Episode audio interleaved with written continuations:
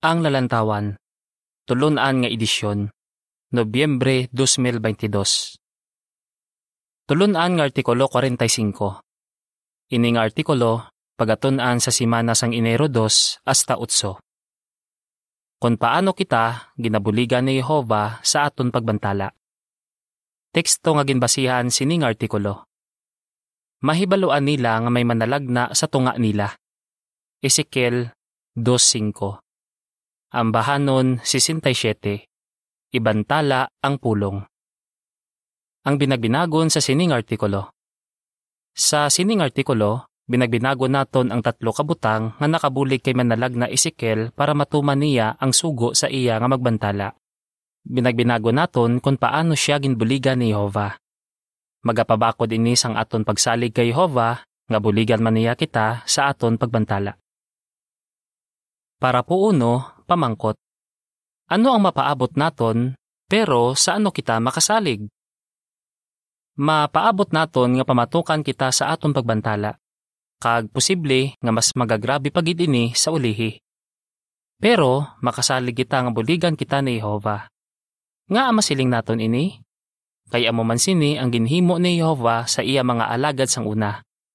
Ginbuligan niya sila nga matuman na ginsugo niya sa ila bisan pa mabudlay ini katama.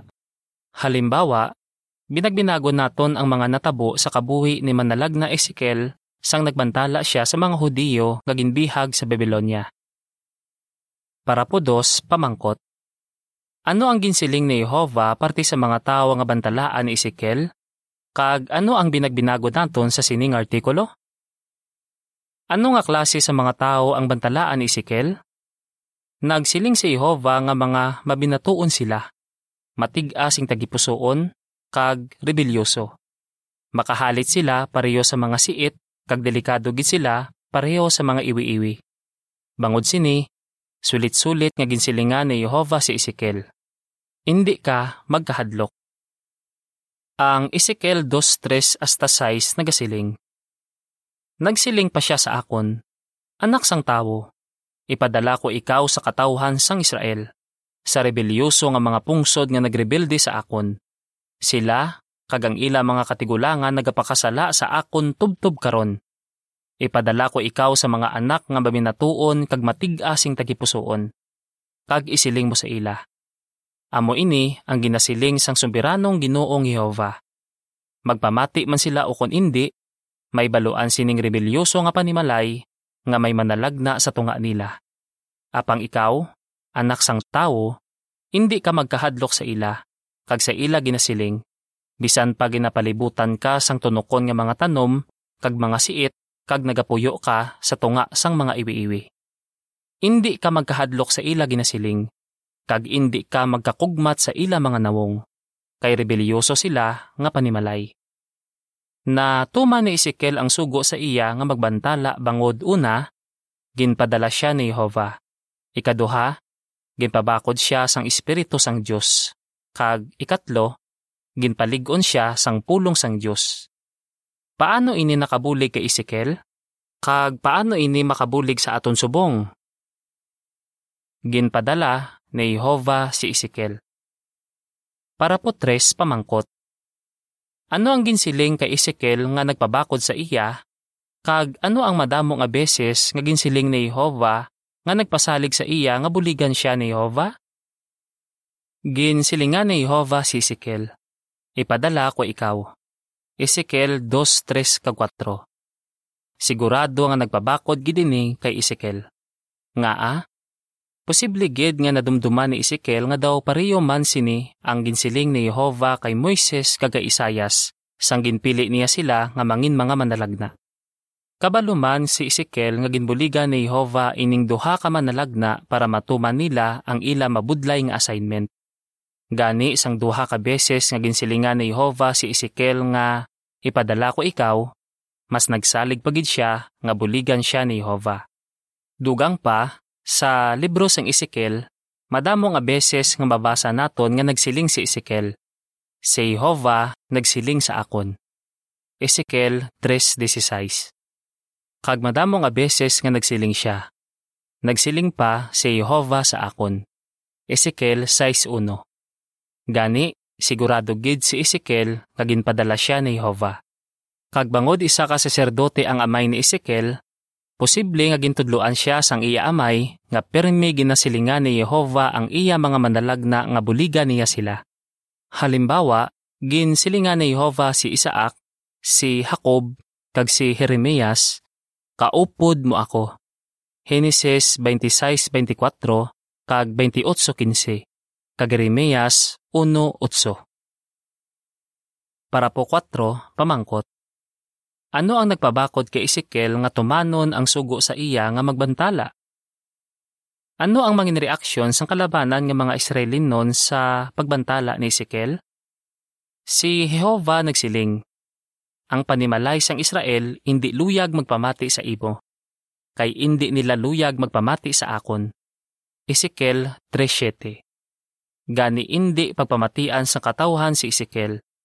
Pero ang matuod, si Jehova ang hindi nila pagpamatian. Na paligon gid si Ezekiel sa ginsiling ni Jehova. Ginapahangop sini nga bisan pa hindi siya pagpamatian sa mga tao, hindi buot silingon nga wala niya natuman ang ginsugo sa iya bilang manalagna. Ginpaligon man ni Jehova si Ezekiel nga kung matuman na ang pagukom nga iya ginbantala, mahibaluan sa mga tao nga may manalagna sa tunga nila. Ezekiel 2.5 kag 33.33 Sigurado nga napabakod gid si Ezekiel nga tumanon ang sugo sa iya nga magbantala. Ginpadala kita ni Jehova. Para po 5, pamangkot. Ano ang ginsiling sang Isayas 44.8 nga nagapabakod sa aton? Napabakod man kita bangod kabalo kita nga ginpadala kita ni Jehova. Ginpadunggan niya kita paagi sa pagtawag sa aton nga iya mga saksi. Isayas 43.10 Dako gid nga kadungganan para sa aton. Ginsilingan ni Jehova si Ezekiel, hindi ka magkahadlok. Pariyo kay Ezekiel, ginasilingan man kita ni Jehova, hindi ka mo magkahadlok. Nga hindi kita dapat mahadlok sa mga nagpamatok sa aton? Bangod pariyo kay Ezekiel, ginpadalaman kita ni Jehova kag ginabuligan niya kita. Ang Isayas 44.8 nagasiling, Hindi ka mo magkahadlok, kag hindi ka mo magpakulba wala ko bala ini ginsugid sa inyo antes matabo ini? Kamu akon mga saksi. May iban pa bala nga Diyos magluwas sa akon? Wala. Wala sing iban nga igang. Wala ako sing nakilala bisan isa. Para po size, pamangkot sa A. Ano ang ginsiling ni Jehova nga nagapasalig sa aton nga buligan niya kita? Pamangkot sa B, ano ang nagapaligon sa aton? Nagpromesa sa Jehova nga buligan niya kita. Halimbawa, antes nagsiling sa Jehova nga kamo ang akon mga saksi, nagsiling siya. Kung magtabok ka sa katubigan, magaupod ako sa imo. Kag kung mag-agi ka sa mga suba, hindi ka malumos. Kung maglakat ka sa kalayo, hindi ka mapaso. O kung masunog sa dabdab. Isayas 43.2 Kung nagabantala kita, Maka-eksperyensya kita kung kaisa sa mga problema nga daw pareho sa baha, kag sang grabe nga mga kabudlayan nga daw pareho sa kalayo. Pero bisan pa sini, nagapadayon kita gihapon sa pagbantala kay ginabuligan kita ni Jehova. Pareho sa panahon ni Sikel, ang kalabanan nga tao subong wala man nagapamati sa aton mensahe. Pero, bisan pa wala nila ginapamatian ang aton mensahe, hindi buot silingon sini nga wala naton natuman ang sugo sa aton nga magbantala. Bangod kabalo kita nga nalipay si Jehova kung padayon naton nga ginabantala ang iya mensahe, nagapalig-on gidini sa aton. Si Apostol Pablo nagsiling, Ang kada tawo magabaton sing padya suno sa iya binuhatan. Unang Korinto 3.8 Ang isa ka madugay na nga pioneer nga sister nagsiling, Nalipay ako kay ginapadyaan ni Jehova ang aton mga panikasog. Ang caption sang mga picture nagasiling. Pariyo kay Ezekiel, posible nga hindi man kita pagpamatian sang iban kag pamatukan kita. Pero kabalo kita nga buligan kita ni Jehova. Ginpabakod si Ezekiel sang Espiritu sang Dios. Para po siyete, pamangkot. Sa kada tion nga ginapaminsar ni Ezekiel ang panananaawon nga iya nakita, anong iya nabatsyagan? Nakita ni Ezekiel nga gamhanan gid ang espiritu sang Dios.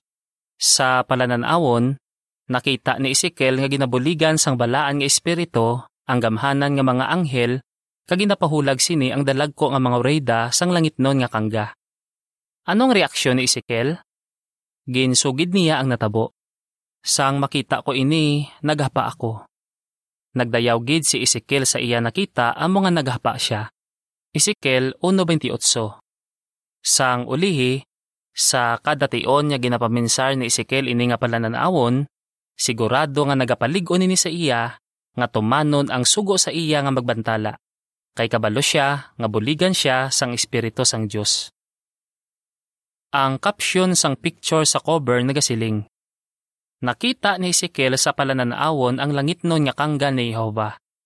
Nagpaligon pagid ini sa iya nga tumanon ang sugo sa iya nga magbantala, kay kabalo siya nga buligan siya ni Jehova. Para po utso kag 9, pamangkot sa A. Ano ang natabo kay Ezekiel sang ginsugo siya ni Jehova nga magtindog? Pamangkot sa B, Paano pagid ginpabakod ni Jehova si Ezekiel nga bantalaan ang batinggilan nga mga tao? Ginsugo ni Jehova si Ezekiel. Anak sang tao, magtindog ka kay may ihambal ako sa imo. Sang ginsugo ni Jehova si Ezekiel nga magtindog, napabakod siya nga magtindog paagi sa bulig sang espiritu sang Dios. Nagsiling si Ezekiel, Napuno ako sang espiritu, kagid patindog ako sini. Ezekiel 2.1 kag 2. Sa tanan nga tion nga nagbantala si Ezekiel, gintoy-toyan siya sang kamot sang Dios nga amo ang balaan nga espiritu sang Dios. Ezekiel 37.1 Ginpabakod sang balaan nga espiritu sang Dios si Ezekiel para matuman niya ang sugo sa iya nga bantalaan ang mga tao nga batinggilan kag matig-a sing tagipusoon. Ezekiel 3.7 Ginsilingan ni Jehova si Ezekiel. Ginpatig ako ang imo nawong kaangay sang ila nawong, kag ang imo agtang kaangay sang ila agtang. Ginhimo ko ang imo agtang kaangay sang diamante, nga mas matiga sang sabato bantiling.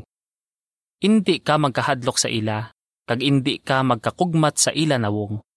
Ezekiel 3:8 kag 9. Daw pareho lang nga ginsilingan ni Jehova si Ezekiel hindi ka dapat maluyahan sang buot bisan pa batinggilan ang mga tao.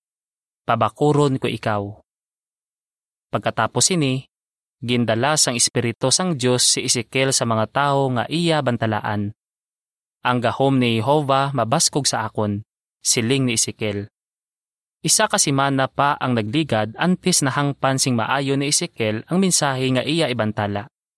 Ezekiel 3:14-15 Dayon, ginsugo siya ni Jehova nga magkadto sa nalupyakan, kag didto napuno siya sang espiritu. Ezekiel 3:23 kag 24. Handa na si Ezekiel nga magbantala. Ginapabakod kita sang espiritu sang Dios. Para po Jess, pamangkot. Ano ang makabulig sa aton nga matuman ang sugo sa aton nga magbantala kag nga ah? Ano ang makabulig sa aton nga matuman ang sugo sa aton nga magbantala? Para masabat ini, huna-una ang natabo kay Sikel. Antes ang iya pagbantala, ginhatagan siya sang espiritu sang Diyos sing kusog. Pareho kay Sikel, matuman lamang naton ang sugo sa aton nga magbantala paagi sa bulig sang espiritu sang Diyos. Nga ah, Bangod nagapakig-away si Satanas sa aton para pauntaton kita sa aton pagbantala. Madamo nga tawang nagahuna-huna nga hindi naton mapirde si Satanas bangod gamhanan siya. Pero mapirde naton siya paagi sa aton pagbantala. Paano? Kung nagabantala kita, ginapakita naton nga wala kita nahadlok sa mga pamahog ni Satanas. Sa kadation nga nagabantala kita, ginapakita sini nga napirde naton si Satanas. Gani, ano ang masiling naton kay padayon kita nga nagabantala bisan pa ginapamatukan kita? Masiling gid naton nga ginapabakod kita sang balaan nga espiritu kag nalipay gid si Jehova sa aton. Ang caption sang mga picture nagasiling Pareyo kay Sikel, anong nagabulig sa aton para matuman naton ang sugo sa aton nga magbantala? Para po unse, pamangkot. Ano ang mahimo sang Espiritu sang Dios para sa aton? Kag anong imuon naton para padayon naton ini nga mabaton? Ano naman ang matun-an naton sa malaragwayon nga ginsiling ni Jehova nga ginpatig-an niya ang nawong kag agtang ni Ezekiel?